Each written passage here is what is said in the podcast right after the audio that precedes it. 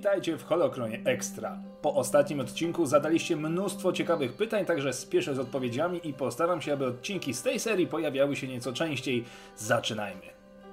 Czy był jakiś mistrz Jedi czy też Sith z gatunku Ewoków? W dodatku do papierowego RPG z 24 marca 2004 roku pojawia się wzmianka, a raczej jedna ilustracja z bezimiennym Jedi z rasy Ewoków. Scenarzysta Randy Stradley stwierdził swojego czasu, że rasa misiaków jest po prostu zbyt prymitywna, by móc zostać użytkownikiem mocy, przynajmniej w takim stopniu jak rycerze Jedi.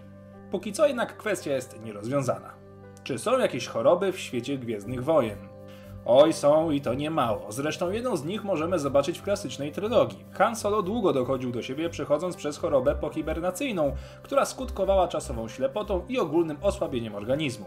Istniały także bardziej złośliwe choróbska, jak choćby irydiańska zaraza, posiew śmierci wywołany przez drochy, czy wirus błękitnego cienia. Linki znajdziecie oczywiście w opisie. Ogólnie znanych wirusów, bakterii i innych choróbsk jest grubo ponad setka. Dlaczego niektórych Jedi slash Sith dało się wykryć na dużą odległość, a inni byli niewidoczni nawet dla mistrzów?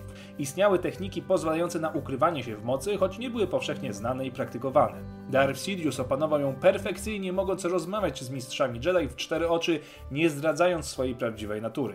Określenia tej techniki były różnorakie. Moc podstępu, moc ukrycia czy pogrzebana obecność. Ale nie tylko znany nam Sith używał tej techniki. Również Obi-Wan i Yoda, obaj będąc już na wygnaniu, tuszowali swoją obecność w mocy przed Vaderem i Imperatorem. Jak długo żyją przedstawiciele rasy Wookiee?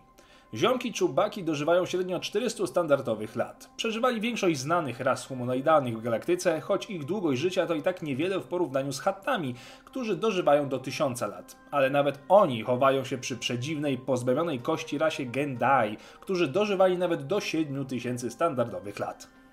Czy Boba Fett był prawdziwym Mandalorianinem?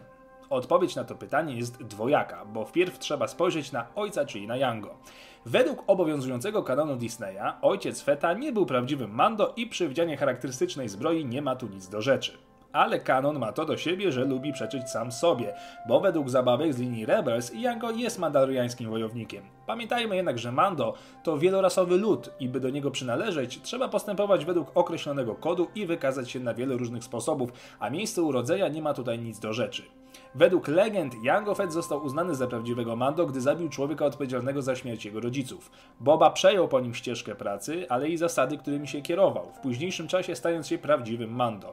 Na chwilę obecną ciężko jednak o jednoznaczną odpowiedź. Dzięki za zadane pytania, zadawajcie kolejne i głosujcie na nie lajkami. Do usłyszenia niebawem i niech moc będzie z Wami.